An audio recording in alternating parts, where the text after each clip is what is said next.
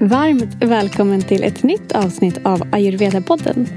Den här gången har jag med mig en mycket speciell gäst, nämligen Bertil Vosk som är grundare av hälsoföretaget Holistic. Holistic förmedlar kunskap och tar fram kosttillskott av kompromisslös kvalitet för att hjälpa människor att optimera sin hälsa. Och det har de gjort i 20 år.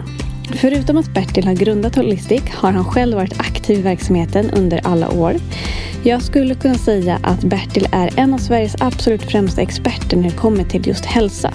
Och förutom att han jobbar mycket bakom kulisserna inom Holistic håller han även i kurser.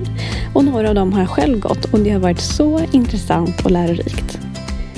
För många inom hälsovärlden är Bertil en riktig kändis. Men vad många inte vet är att även Bertil har en lång erfarenhet av meditation, yoga och ayurveda. Det här är första gången som Bertil faktiskt i ett öppet forum berättar om hans relation till ayurveda, hur den kunskapen har influerat både hans liv och skapandet av Holistic. Bertil har också en särskild förmåga att kunna översätta ayurveda till det västerländska språket. Och det kan han göra just för att han står stadigt med ena benet i den ayurvediska världen och med det andra stora stadiet i den västerländska, moderna och forskningsbaserade världen. Och däremellan kan han se många likheter, vilket vi kommer prata mer om i det här avsnittet. Jag hoppas du kommer finna det här väldigt intressant. Och du lyssnar på Ayurveda-podden och jag heter Johanna Mård.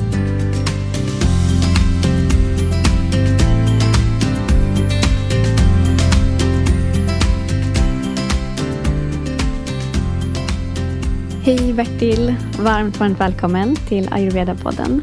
Hej, tack ska du ha. Kul att vara här. ja, jättefint att ha dig här. Jag har sett fram emot det här samtalet i flera år. Oj då. ja. ja. Men det var ju några år sedan som jag hade en ayurveda-workshop, en lite mindre workshop, mm. som du var där eh, och tog del av. Ja, och eh, efter det satt vi kvar och snackade en stund.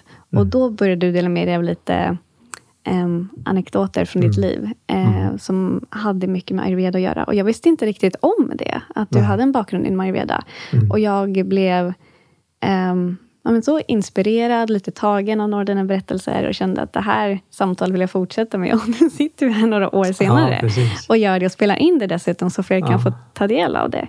Det, det känns fantastiskt. Mm. Jag, ja, jag har verkligen sett fram emot det.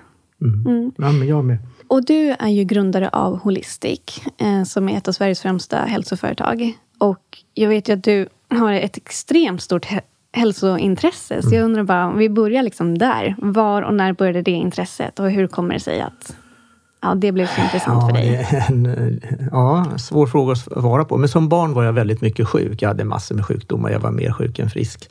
Och... Eh, Eh, haft dålig matsmältning sedan jag var fem år med kronisk förstoppning. Eh, men ägnade mig inte så mycket åt hälsa. Men jag var ju tvungen att lära mig mycket om min kropp och jag märkte ju, då hade jag inte den kunskap som nu och det fanns inte den kunskapen. Eh, men jag märkte ju att jag åt vissa saker så mådde jag sämre och vissa saker mådde jag bättre på. Så jag parerade ju med det. Eh, sen eh, jag jobbade med datakommunikation på Televerket men kände eh, intuitivt att det här är inte det jag ska syssla med. Mm. Jag ska jobba med, med hälsa och med människor, mm. vilket var ett ganska stort steg för mig då. Så jag svarade inte an på det utan jag gick kvar där ett år till och jobbade och kände att jag började må dåligt. Eh, jag trivdes bra där, allting var bra. Men jag kände att om inte jag sluta med det här så kommer jag bli sjuk. Om jag inte följer det som min själ leder mig emot. Så jag sa upp mig på Televerket och så började jag jobba ja, med hälsa istället. Mm. Inte så direkt, jag började lära mig lite grann, gick lite kurser. Eh, ja. Mm. På den vägen är det. Spännande. Och när startade du Holistic? Ja, jag startade Holistic alltså själva namnet, företaget inregistrerades år 2000 men jag började verksamheten 2002. Okej, okay. ja, så det är några år. Det är 20 år. Det är 20 år nu. Ja, Grattis till det! 20-årsjubileum. Wow, ja, det är jättehäftigt. Precis. Och eh, någonstans i det här så fann du också ayurveda. Ja, ayurveda fann jag nog tidigare faktiskt. Ja, det var så? Jag började med meditation 1969 och utbildade mig sen så småningom till meditationslärare. Mm. Och reste runt i Sverige och lärde hundratals människor meditera och jobbade hela 70-talet mm, ja, nästan heltid, i alla fall väldigt mycket, med meditation. Det var ju då Mhm. transcendental meditation var det som fanns framför allt. Ehm, och och eh, där kom vi i kontakt med, med eh, ayurveda också faktiskt. Okej. Eh, Minns kom- du första gången du hörde ordet? Ja, då var jag i Schweiz på huvudsätet där i Selersberg och eh, Marishi, som ju då var den lärare jag hade, han, hade, han bjöd ju dit eh, ayurvediska läkare från Indien, bland annat. Han bjöd dit massa människor i alla möjliga sammanhang, men bland annat ayurvediska läkare som pratade. Och det var första gången jag hörde det, någon gång på 70-talet. Ja, wow. Eh, 76 kanske, 70, Mm. något sånt. Minns du vad din eh, känsla var då? Tänkte du så att det här låter... ehm, ja, att du inte kunde relatera till eller kände du på en gång att det här känns... Nej, men det var ju en helt ny sätt. värld. Man pratar ju liksom om eh, eh, ett språk och an- andra saker som de liksom olika eh, doshas, olika personlighetstyper. Och det är kanske inte så konstigt, för det fanns ju i väst också, även om det såg annorlunda ut. Mm. Men också att det spelade roll vad man åt. Eh, för i väst, i alla fall på den tiden, så var det liksom man äter för man är hungrig och man behöver energi och det är kalorier och det kanske är fett, proteiner och kolhydrater. Men sen spelar det inte så stor roll vad man stoppar i sig. Nej, och lite samma funkar för alla. Ja, absolut. Så att här spelade det roll vad man åt och det var olika för olika personer. Visst. Men också att det spelade roll när och hur man åt. Det tyckte jag var märkligt. Eh, Jag minns det jag reagerade på väldigt tidigt. Det var att om du äter när du är stressad så omvandlas maten till gift. Eller de säger ju inte gift, de säger amma som är, Exakt. vad ska vi översätta det med? Ja, men- Slagg, eh, ja, slaggprodukter. slaggprodukter. Ja, Men i alla fall som inte är bra för dig utan är negativa för dig. Då tänkte jag så här, nej men vänta ett tag. Om jag äter en morot som är nyttig, hur blir den inte nyttig bara för att jag äter den lite stressat? Jag kunde inte förstå det då, men sen förstod jag det. Och idag har ju till och med vetenskaplig forskning bekräftat det. Ja. Visst är det fint att de möts? Ja, jag tycker det är jättefint. Va? Jag tycker det är särskilt intressant eh, med tanke på att ayurvedan säger att ja, men i stort sett alla sjukdomar, kroniska sjukdomar har sitt ursprung i, i matsmältningskanalen. Mm, Och det säger modern forskning också. exakt. Senast om, och särskilt om man tittar på forskningen från de senaste 10-15 åren Mm. bekräftar det. Det tycker jag är häftigt. De pratar ett annat språk. De pratar bakterier och, och, och olika ämnen som de bildar. Men resultatet är detsamma. Mm. Du menar att idag, nutid, pratar de om bakterier och Ja, men eh, Mm. i, i forskningen, i västländska forskningen, då pratar de om bakterier och de ämnen som bakterierna bildar och bakteriefloran, mikrobiomet, hur det Exakt. påverkar Ja. både tarmen, tarmslemhinnan, men också vad som tas upp positivt eller negativt och vandrar till blodet. Och hur det påverkar de olika organen, påverkar nervsystemet. Eh, Man vet idag att när människor brukar beskriva det som att jag har sån här hjärndimma. Då säger forskningen då, ja det kommer från tarmen, ja, eh, tarmfloran. Det sa man inte för 15 år sedan. Nej. Och jag tror bara att det kommer komma mer och mer forskning Absolut. på det också. är det hetaste forskningsområdet idag Mm. i väst. Så att eh, det jag förstod för ungefär 20 år sedan, det var att eh, mitt sätt att leva, min nivå av vila eller stress som påverkar det parasympatiska eller sympatiska nervsystemet, det påverkar min matsmältning. Och om matsmältningen inte funkar så spelar det mindre roll vad du äter. För att man brukar säga att du är vad du äter och det är en halvt rätt. Exakt. Eh, du är vad du äter, kan smälta och ta upp. Exakt. Och för att kunna smälta Mm. maten och ta upp så måste du befinna dig i, i parasympatiskt tillstånd, det vill säga Mm. inte befinna dig i stress. Du måste ha god tillgång till saltsyra, bukspottenzymer, galla, en bra tarmflora och så vidare. Mm. Och det där sätts ur spel om man stressar eh, mycket. Mm. Ja, men verkligen. Och mycket av det du pratar om, det har vi eh, nämnt i tidigare avsnitt också. Så det är bara fint att få ha dig här och liksom höra dig prata om ayurveda och bara lite bekräfta det som vi har sagt tidigare också. För det, ja. Och just det här perspektivet på att den västerländska moderna forskningen idag möter det här på ett väldigt, Absolut. ja, på ett väldigt fint sätt. Men finns det någonting med ayurveda som du finner särskilt fascinerande? Ja, det, tycker, det, det mest fascinerande tycker jag att man kan behandla och eh, i de flesta fall bota, om man får använda det ordet, alla typer utav problem och sjukdomar genom ayurveda som är ganska mm, enkla saker. Så det är kosten, det är massage med olika oljor. De har i och för sig väldigt många tekniker så jag ska inte säga att det är väldigt enkelt, men det är ändå enkelt i, i, i, ur synpunkten att det är enkelt naturligt. Det är inte high tech, ja. mm. utan det är det är mat, det är örter, det är terapier och det kan vara vatten, det kan vara lavemang, det kan vara eh, meditations andningstekniker. Kan vara, men det, det, är inte high tech utan man använder sig av kroppen. Det tycker jag är fantastiskt. Och det visar verkligen att, hur, hur, att kroppen kan eh, självläka på ett fantastiskt sätt. Bara man ger det rätt förutsättningar. Absolut. Ja. Ja, det tycker jag också är fascinerande. Och, säger, och tillstånd det... som jag ser så här, nej, men, eh, som man kan tycka ser väldigt svåra ut utifrån. Va? Ja, att de kan få rätt på det mm. eh, med, med sina ayurvediska metoder. Då. Mm. Ja, det är fantastiskt. Mm. Det håller jag med om. Jag har också rest runt i världen och varit en del i Indien och träffat människor där som säg, alltså, är och har mm. varit väldigt sjuka. Mm. Men med tack, tack vare liksom, mm. ayurvedisk hjälp ser det ut som att de är så mycket prana och det mm. bara ojas mm. och det lyser om dem. Och jag hade ingen mm. aning om att de hade... Mm. mm. Eh, jag har träffat människor som precis klivit av sin kemoterapi mm. eh, och människor som är, har MS. Eh, och de ser ut som att de är några av de friskaste personer jag har träffat, för de har precis gått igenom ayurvediska terapier. Ja. Ehm, och det är så här... Ja, det är, det är fascinerande. Det är fantastiskt. Mm.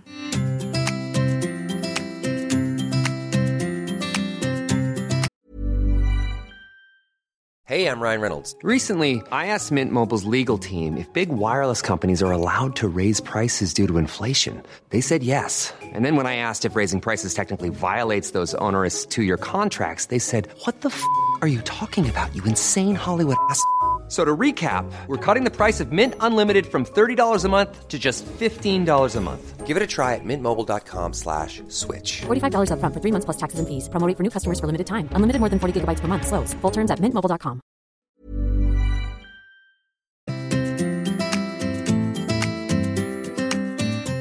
Och jag vet ju att du också har varit en hel del i Indien. Mm. Eh, och det här var ju någonting som vi kom in på där för några år sedan när vi pratade efter min workshop. Um, kan inte du berätta lite mm. om dem? Alltså, hur många gånger har du varit i Indien? Ja, jag var i Indien första gången 1981. Mm. Och då åkte jag dit för att jag åkte till ett ashram i, ja, i, någonstans mellan Indien. Och vad var det som kallade dig dit? Nej, men jag, jag har varit intresserad av meditation sedan jag var 18 år mm. och mediterat ganska mycket och, och var intresserad. Jag läst, jag vet inte hur många, hundratals böcker om, kallar det andlighet. Eh, så att eh, det var naturligt för mig. Det var, det var lite läskigt första åkte gången. Åkte du dit själv då eller tillsammans med någon? Ja, jag åkte ju till eh, ja, jag åkte väl själv, men det var ett gäng svenskar som åkte. Jag kände kanske inte dem innan. Okay, ja. och det var lite läskigt då att komma till ett nytt land. Man tänkte så här, ja men det är sjukdomar, fattigdom och allt sånt där. Men sen har jag ju varit där, jag vet inte hur många gånger, jag har slutat räkna i alla fall, uh -huh. minst 30 gånger. Okay, wow. Eh, och det har ju blivit mitt andra hemland. Mm. Så jag känner mig väldigt hemma där. Liksom. Mm. Finns det någon plats som är ännu lite mer hemma än någon annan? Ja, jag gillar ju uppe i Uttar Pradesh, där jag har varit ganska mycket i Lakshmanyula, alltså norr om Rishikesh. Just det, där har jag också varit. Ja. ja. Eh, men när jag var där första gångerna då, då var det inte alls så mycket folk. Nu är det så mycket folk så det är inte, mm. det är inte mm. roligt att åka dit längre. Mm. Det, det vallfärdar folk dit. Ja. Um, det, sant, det var mycket folk när jag var där mm. sist. Mm. Ja. Och då, när jag var där första gången på, på ett ashram, alltså det ställe man åker till för att meditera och göra sådana saker.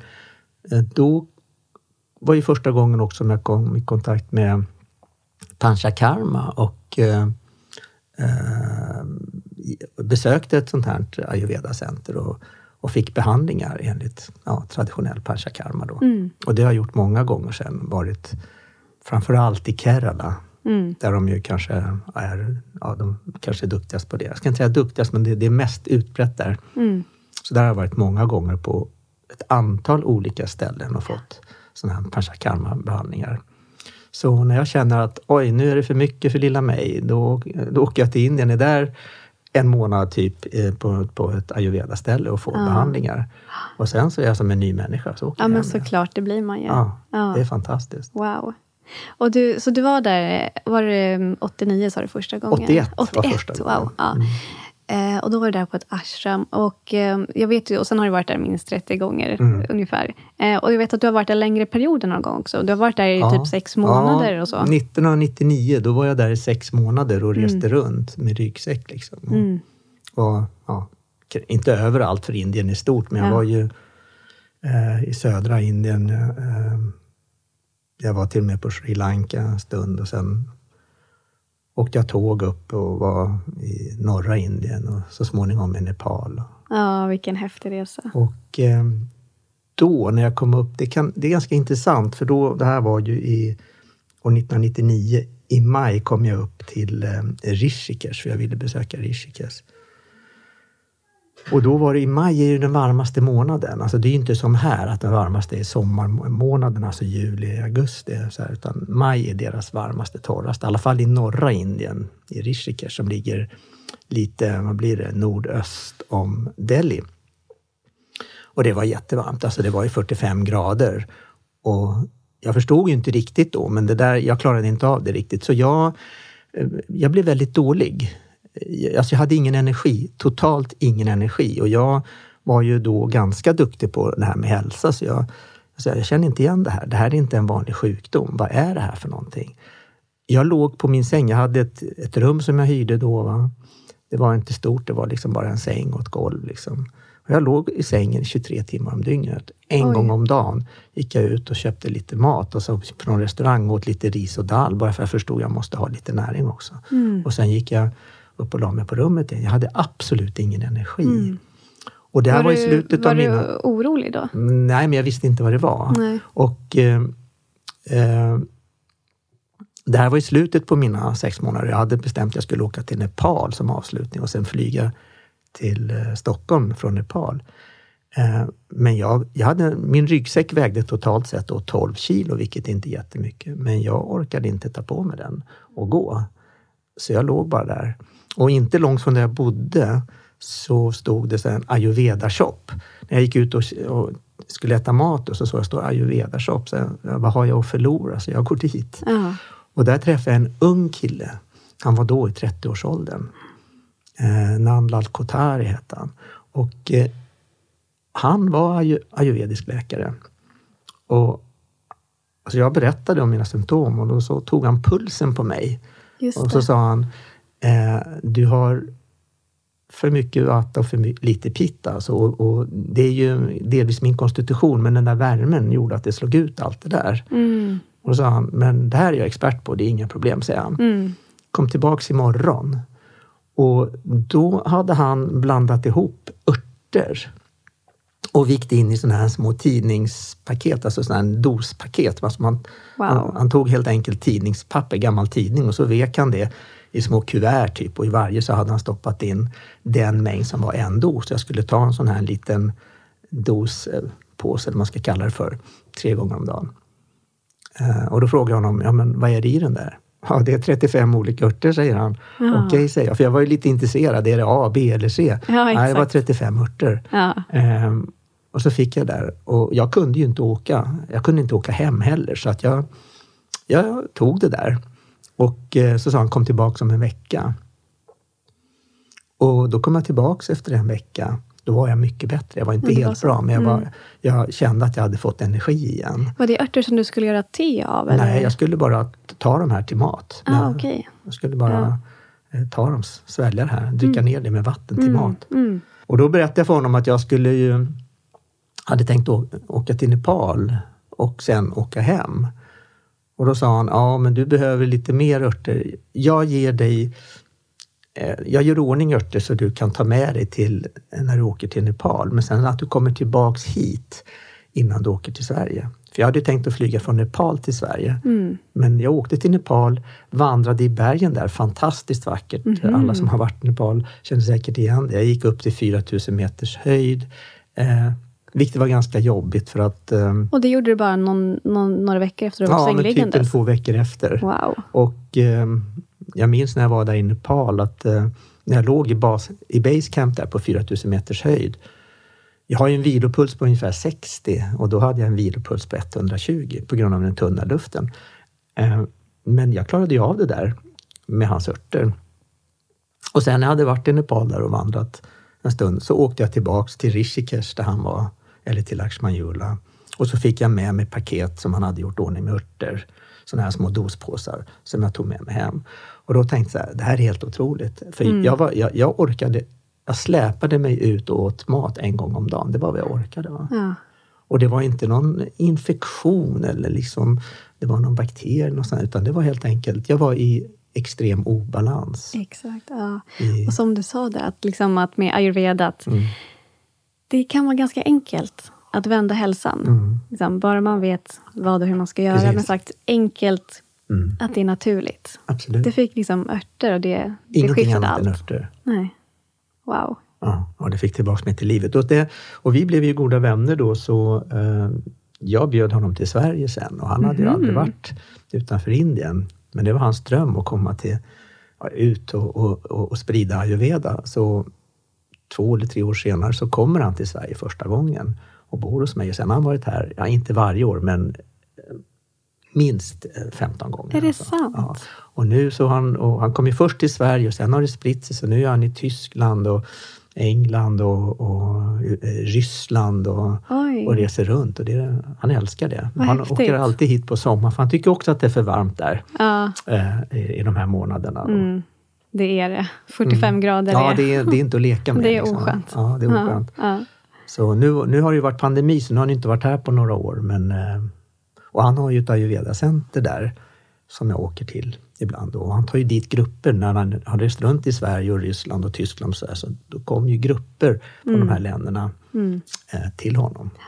Han är jätteduktig. Det är nog den, en av de duktigaste som jag har träffat.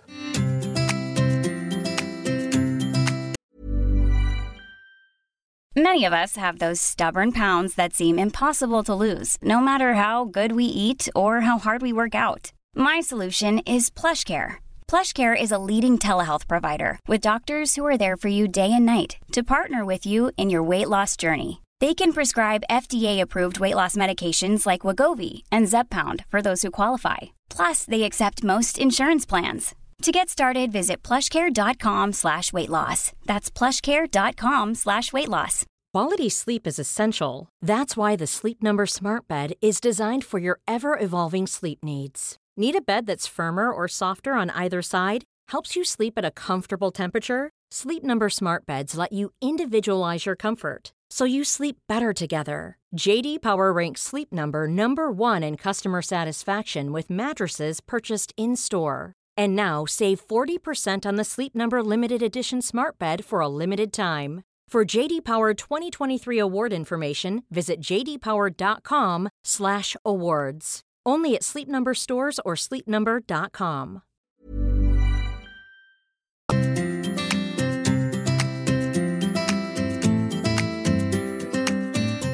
Så jag gissar då att eh, när du fick de här örterna i tidningspaketen, att det blev lite som ett, kanske både där då och i efterhand, lite så ett aha moment. Att, att det kan vara så kraftfullt ah, ja. med, med de här ayurvediska terapierna. Ah, ja. um, har du några fler sådana här aha moments? När det kommer till just ayurveda då?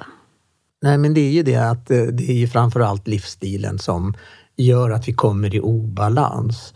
Och att, eh, jag skulle säga att sjukdomar är ju inte något som kommer ur ingen... Alltså det, det har ju alltid en orsak. Det kommer inte av en slump. Det beror inte på generna, annat än i väldigt, väldigt få fall.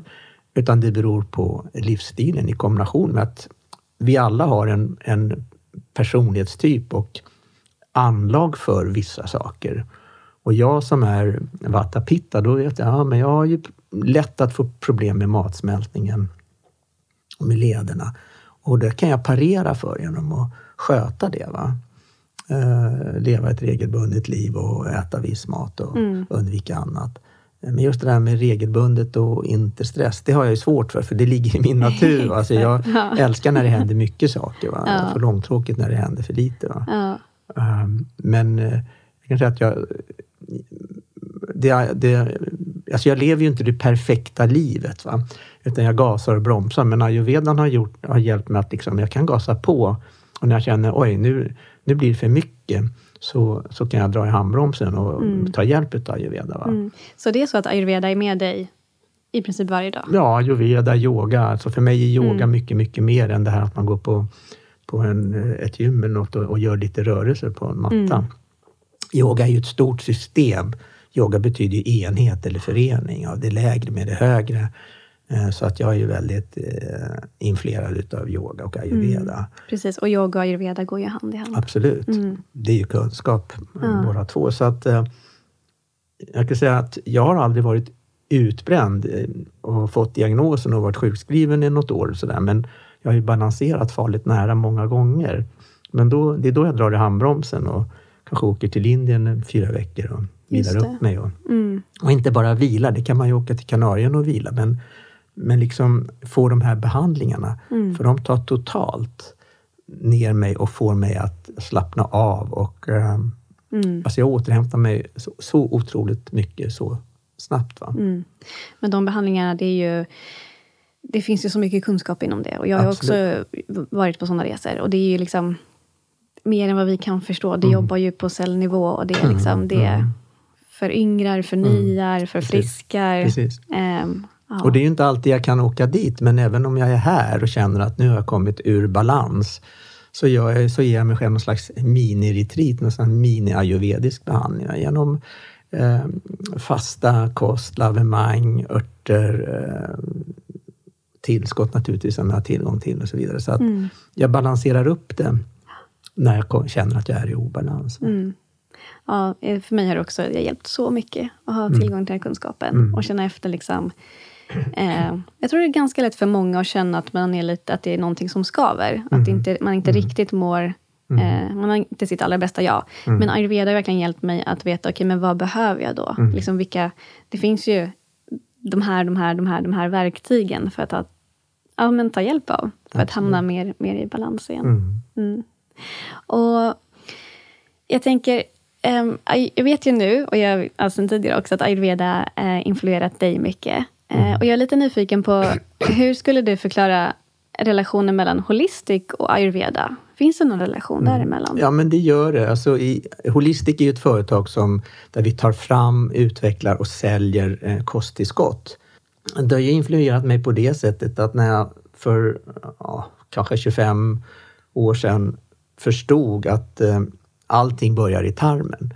Alltså tarmen var inte ett hett område på den tiden, allting börjar i tarmen så har jag ju i Holistic fokuserat på matsmältning och tarm. Mm. Så vi har ju eh, väldigt många produkter som är fokuserade på just matsmältning och tarm. Mm. Därför att jag vet att det är där problemen börjar. Jag brukar säga att om en person har reumatisk värk i lederna, i höfterna, i knäna, så kan man naturligtvis behandla det på något sätt genom att få smärtan att lindra, antingen med läkemedel eller med antiinflammatoriska eh, kosttillskott, till exempel gurkmeja eller eh, omega-3 fettsyror. Men det adresserar inte grundproblemet, för grundproblemet kommer från tarmen. Mm. Om man inte tar hand om den så är det andra bara symptomlindring. Mm, så vi har ju mycket produkter. Vi har ju liksom, många har för lite saltsyra, alltså har vi tillskott, saltsyretillskott. Många har för dåligt med matsmältsenzymer, alltså har vi matsmältsenzymer. Många har eh, obalans i tarmfloran, då har vi Eh, eh, tarmbakterier, eh, probiotika. Många har, är förstoppade. Då har vi ett antal produkter för det med, med ja, till exempel magnesiumoxid och vi har syljenfröskal och andra saker. Vi har också någon produkt som rensar upp i tarmen. Vi har flera produkter. Va? Ni har ju jättemycket för mage-tarm. Alltså vi har säkert alltså, 20 ni... produkter för ja, mage-tarm och det är ingen annan som jag vet som har så mycket fokus på mage-tarm. Och det är ju därför att eh, vi har förstått sen, sen start att det är där det börjar. Det där är pedagogiskt inte så lätt att förklara för folk kan ha symptom var som helst i kroppen. Och som terapeut, jag jobbar ju som terapeut då, när jag startade. Då så här, jaha, men vi börjar med att ta hand om tarmen. Och då Mm. säger de, varför det? För jag har ju ont i höfterna. Exakt. Ja, men det kommer från tarmen. Va? Exakt. Ja, jag träffade en vän häromdagen som hade ont i axeln. Mm. Sa det, men du kanske ska dricka mer varmt vatten istället för kallt vatten, bland annat. Mm. Och han var så här, men om jag dricker vatten, det hamnar ju i magen. Vad har det med min axel precis. att göra? Men allting Precis. hänger ju ihop. Precis. Det gör det. Jag tycker också det är så... Um, men jag gillar verkligen det med holistik och med, Mm. med dig. Att ni också tänker lite mer att ni går till grunden med problemet. Mm. För det är ju också en jättestor del i ayurveda. Eh, Mm. Att inte bara symptombehandla, utan titta på men vad är orsaken? För så länge man inte behandlar orsaken, då kommer ju liksom roten till problemet finns ju kvar. Absolut. Så ja, men jag gillar verkligen det med holistik också. Och eh, ska vi inte prata illa om, om sjukvården, men det är ju framförallt symptombehandling, för man tittar på symptomet och sen, sen justerar man symptomet. Men man har inte alltid ställt sig, man har inte ställt sig frågan, var kommer det här ifrån? Eh, vad är orsaken? Det börjar man göra nu inom viss gren utav eh, skolmedicinen, det som kallas för funktionsmedicin. Där ställer man sig frågan. Man säger inte, jaha, du har högt blodtryck, jag får ett blodtryckssänkande. Man säger, du har högt blodtryck. Varför det för? Och då säger man, ja men det är brister på mineraler ofta. Va? Ja, och den frågan varför är så viktig. Absolut.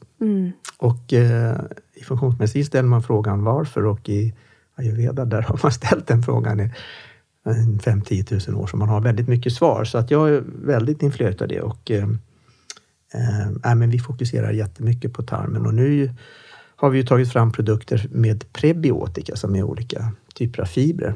Mm.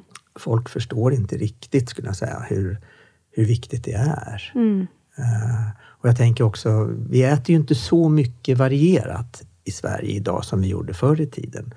Och det är fantastiskt om man åker till Indien och på sån här matmarknad. De har ju liksom hur många grönsaker som helst va? och varianter. Eh, Men om vi säger squash, då har vi squash liksom, och de har så här 20 olika sorter va? Ja. eh, som heter någonting. Och de har massor med olika typer av bönor och linser som inte ens finns här. va? Och visst är det så att eh, för att främja en god maghälsa så är det bra att äta en bred variant av olika Absolut. livsmedel. Man ska äta varierat och man säger att eh, alltså på stenålders, när vi var stenåldersmänniskor, då åt vi kanske 500-600 olika saker. Idag äter vi inte så mycket. Tittar man på, jag tror de flesta om man tittar på vad de äter för grönsaker, ja men då är det en 10-15 stycken. Det är gurka, tomat, sallad och så äter man det varje dag. Va? Och lite Om man till. går och handlar och man har sin... ja, man går till den hyllan, till den hyllan. Eller man handlar på nätet och man har sin färdiga... Där handlade du sist och man Precis. klickar i samma varor. Ja. Vi brukar säga att man ska sträva efter att äta 100 olika saker på en vecka. Och det är ganska svårt. Är det inklusive kryddor? Det är eller? inklusive kryddor. Så Okej. har du liksom har du oregano eller salvia på din mat så, här, så räknas det som också. Mm. Och det där är, folk tycker det är väldigt enkelt. Så här, första dagen, ja, men frukosten, det var ju fem saker. Lunchen, det Ja. var ju tio nya saker. Just det. Eh, Och sen, på, Och sen i dag tre så är man in på dag samma tre, fem då saker. börjar det bli svårt. Just Va? det. Nu har jag ätit Ja. 30 saker och nu är det svårt att utöka det. Ja. Ja. Så där kommer Kommer du utmaningen. upp i det?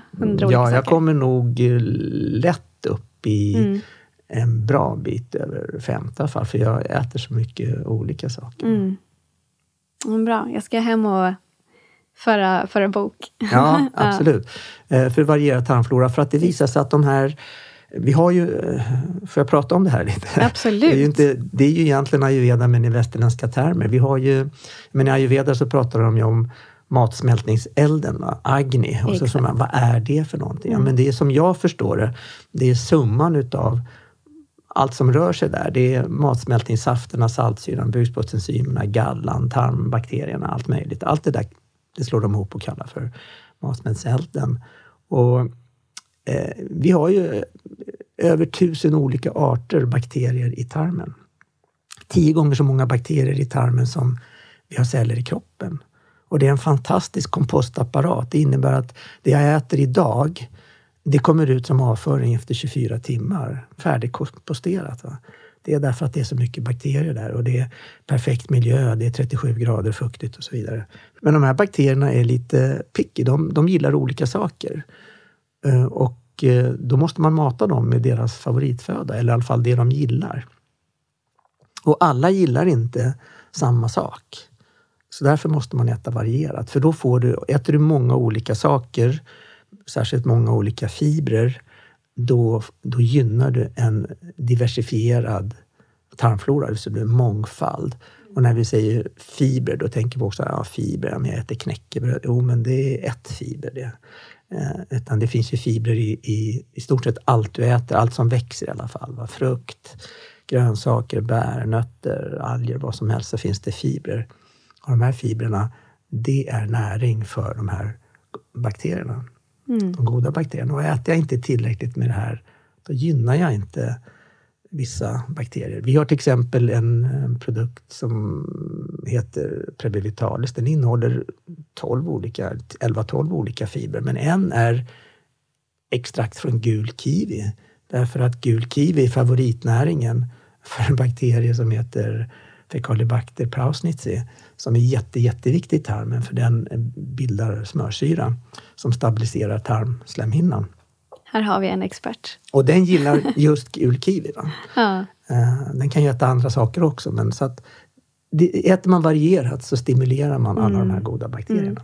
Vi har också pratat tidigare i podden en del om det här med um, incompatible foods, mm. vilket du säkert känner till, mm. eh, som yeah. kommer från ayurvedan. Mm. Eh, så jag kan verkligen, alltså jag vet ju syftet med att äta mm. varierat. Mm. Eh, jag vill bara få in där också att eh, tänka på att äta varierat, men också ha med det här vilka livsmedel och hur ska jag kombinera min alltså vardagstallrik för att det ska hjälpa min mm. agni att smälta det. Mm. Så att man inte tänker så här, okay, nu är det bra att äta hundra olika saker på en vecka, då tar jag liksom så mycket blandat som möjligt mm. på en och samma tallrik, för det kommer inte gynna din agni. Mm. Utan bara, mm. det, behö, det, det kan vara bra att ha med det också. Precis vad du menar med så att man ska, hur man kombinerar mat. Men jag skulle vilja ta ett steg innan därför att jag upplever att alltså,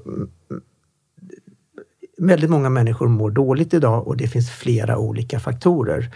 Men att kosten, näringen och matsmältningen är en av de absolut viktigaste. Det är utan tvekan så. Och då tänkte jag så här, på vilket sätt gör människor fel?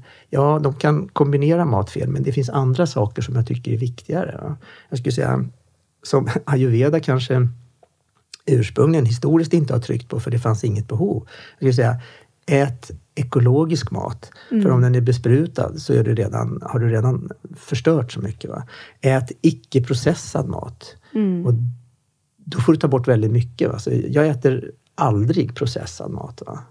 Eh, och processad mat är allt möjligt. Till exempel Eh, alltså, det innebär i princip att äta mat som man lagar själv eller som någon annan har lagat från grunden. Yeah. Ingenting som är så här processat. För processad mat, om du pratar prana, det finns inte så mycket prana i processad Nej, mat. det gör inte det. Det försvinner. Eh, så att, eh, och en, så processad mat, det är alltså Ja, men det är allt som är halvfabrikat, helfabrikat, um, konserver och allt vad det nu är för någonting. Mm. Sånt som du lägger in i mikron. Jag, skulle, jag äter aldrig det. Va? Nej.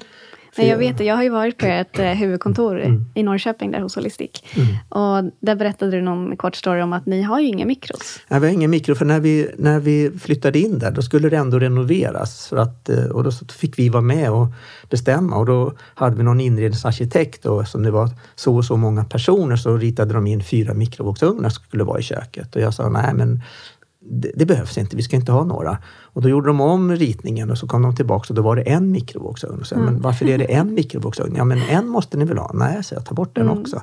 Så vi har inga mikrovågsugnar. Det var första gången de designade ett kök utan mikros. ja, men vi har ju ja, spis och vi har ju någon och värmeugn som man kan värma upp. Liksom, och mm.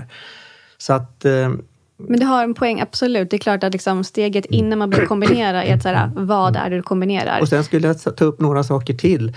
Det är att eh, eftersom vi lever i ett land, Sverige, som på vintern i alla fall är kallt och eftersom eh, vi har mycket stress och båda de där driver åt vata, de, de ökar vata. Ja. Jag är ju en vata pitta person, alla mm. är ju inte det, men mm. även om du inte är en vata person så driver vi mot vata på grund av stress och kyla. Mm. Då skulle jag säga, drick inte kallt. Nej. Eh, och det, det, har ju du säkert pratat om hundra gånger mm. i din mm. podd. Men, och drick absolut inte kallt till maten. Nej. Så isvatten och en kall öl. Liksom. Ja. ja. varför inte det? för? Ja, men då kyler du ner magsäcken. Och den, den släpper inte ifrån sig någonting förrän det har värmts upp mm. till 37 grader. Så det går massa energi till att, att värma upp till 37 grader. Och en annan sak som jag vill ta upp innan vi diskuterar hur man kombinerar mat, det är att ät inte så ofta. Folk äter alldeles för ofta.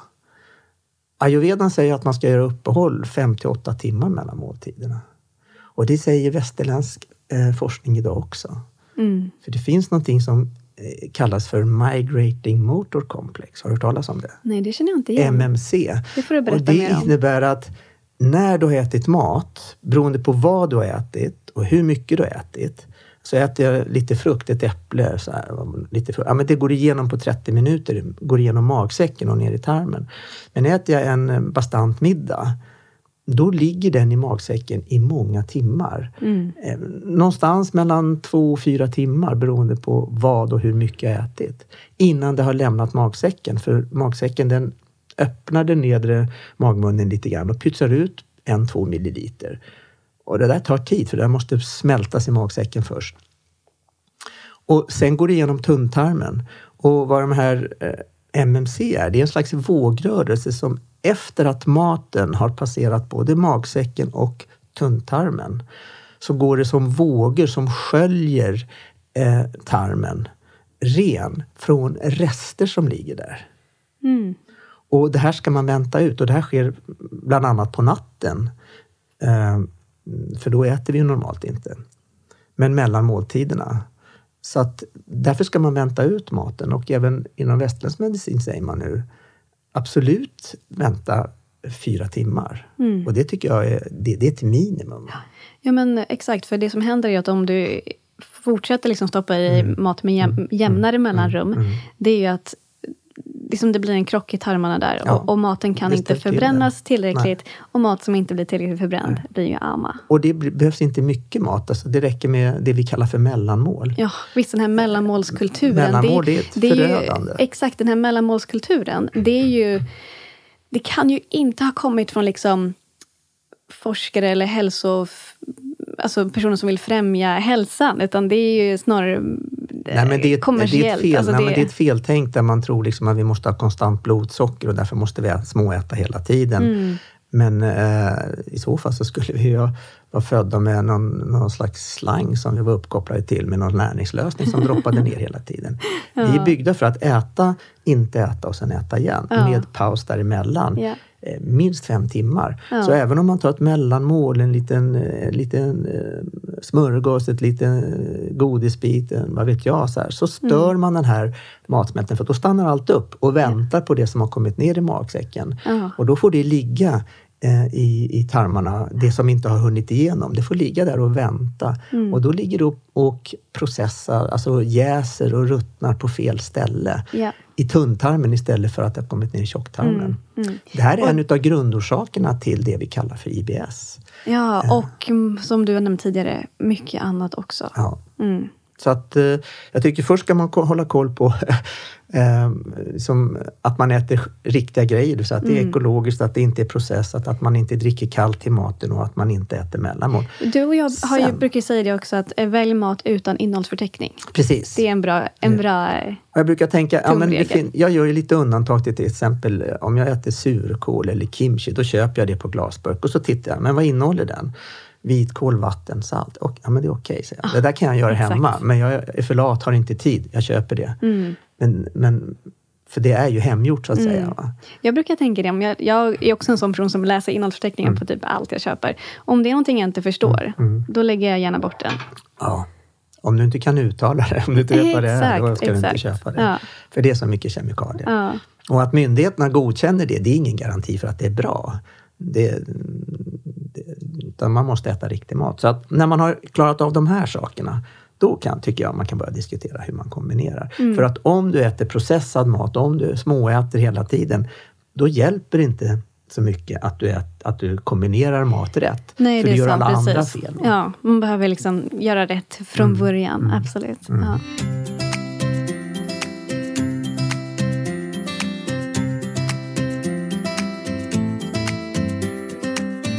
Vi pratade vid för ett tag sedan innan vi sågs här idag. Och då nämnde du att du gärna ville prata lite mer om några olika typer av örter. Som bland annat används väldigt mycket inom ayurveda. Ehm, och det första som jag tänkte vi skulle kunna prata lite mer om är gurkmeja. Ja, men gurkmeja har ju blivit väldigt känt i väst. Va? Gurkmeja och det, det aktiva ingrediensen som kallas för kurkumin. Och, och det finns ju jag vet inte hur många studier, flera tusen studier på gurkmeja och kurkumin, att den är antiinflammatorisk och antibakterier, virus, parasiter, allt möjligt. Och det här är intressant för i, i, Indien har man ju alltid gurkmeja i matlagningen. Va? Det är ju sällan du gör en gryta utan gurkmeja. Va? Och de har lite grann i, ja, beroende på hur mycket man lagar dem, men lite grann i maten. Och, och, och, det, och idag vet vi att den har de här effekterna. Va? Eh, så att, eh, och vi, liksom många andra, säljer gurkmeja eller kurkumin som kosttillskott. Just därför att den är så potent som antiinflammatorisk, anticancer, antiparasit, antibakterier, allt möjligt. Mm. Så det tycker jag är intressant. Och en annan sån här eh, ört som används mycket, som används i väst också, det är ashwagandha som har fått stor uppmärksamhet här ja, i väst. Stor men kanske inte jätte... Alltså gurkmeja tror jag alla känner till. Mm. Ashwagandha tror jag mm. inte alla känner till. Så vad, vad vill du... Nej, men ashwagandha är ju en så kallad, eh, i västerländsk terminologi, en så kallad adaptogen. Så den hjälper, den balanserar mot många olika saker. Har du för mycket eller för lite så balanserar den. Eh, det finns andra adaptogener också som rosenrot och, och eh, vad heter det mer? Liksom, eh, Chisandra och det finns många olika. Lakritsrot är också en sån och lakritsrot används ju också mycket i, inom ayurvedan. Men mm. ashwagandha, det använder man ju nu mycket till exempel för att lugna ner och sova bättre och så. Just det, den används mycket för är lite eh, Visst är det så för typ mental balans ja. och motverka stress? Ja. ja. Om man motverka har liksom... stress. Och det har vi ju för mycket av här i väst. Mm. Och så har vi ju eh, saffran också som ju också är rogivande. Och vi har ju både ashwagandha och saffran är en produkt som vi, som vi har som heter sömnbalans. Eh, och det är intressant att vi, vi ser mer och mer av det här. Mm. Svartpeppar också som används många gånger i kosttillskott därför att det förbättrar upptaget Visst. av andra saker, av andra ja. ämnen. Ja. Till exempel så har eh, gurkmeja och kurkumin ganska dåligt upptag, men om man tillsätter också svartpepparextrakt så ökar upptaget. Just det. det är därför man alltid när man lagar mat med ja. gurkmeja alltid ska ha svartpeppar till det ja. också, för det hjälper upptaget. Precis, och sen så är gurkmeja fettlösligt, så att när man lagar med gurkmeja, då har man ju alltid, som säger, med svartpeppar och fett och då ökar upptaget ja, många, många tusen procent. Mm. Ehm, så att, Den är eh, bra att känna till. Absolut. Ja.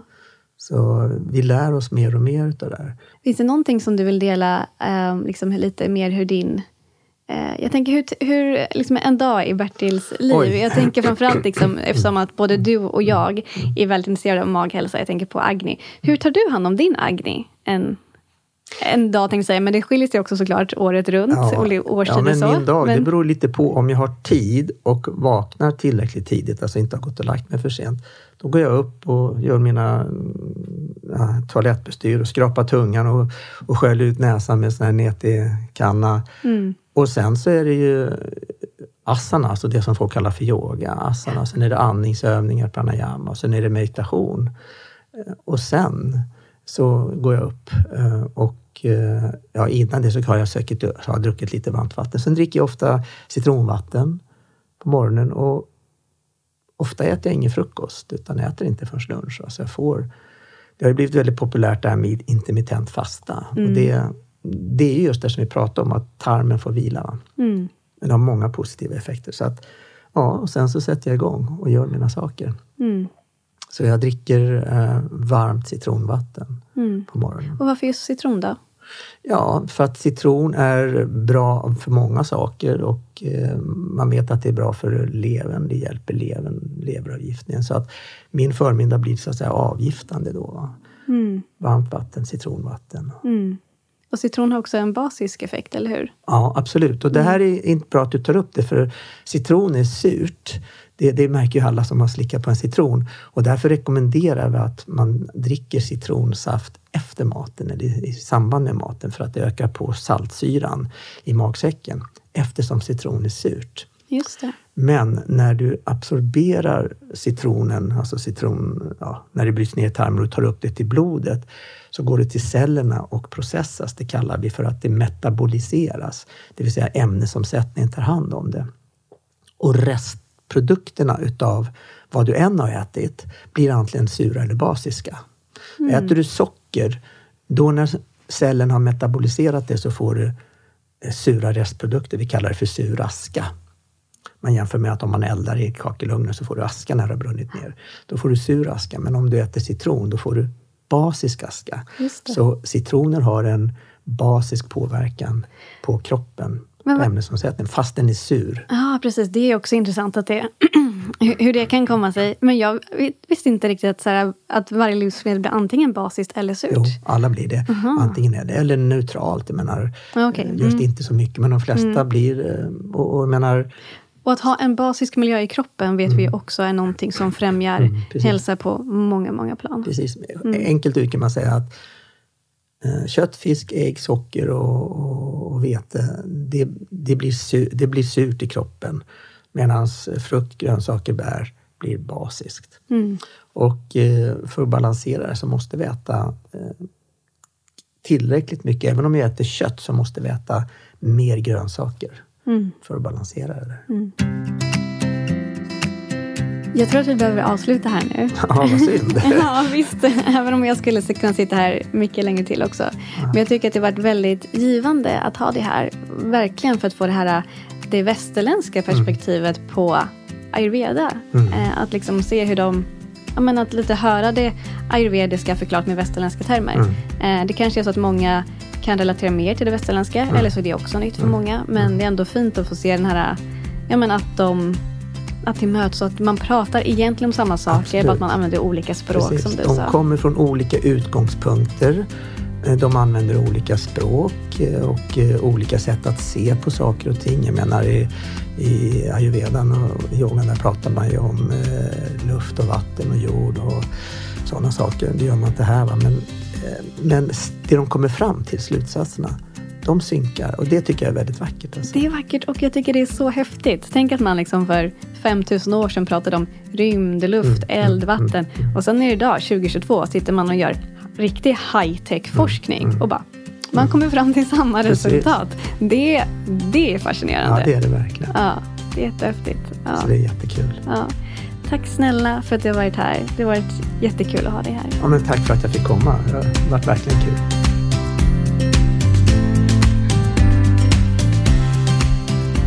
Du har lyssnat på ännu ett avsnitt av Ayurveda-podden.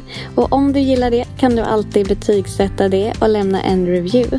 Och om du tycker om Ayurveda-podden så får du gärna dela det med dina vänner som du tror skulle uppskatta att få lära sig mer om hur vi kan använda ayurveda i vår vardag för att främja vår egen hälsa. Ta hand om dig så hörs vi snart igen. Namaste.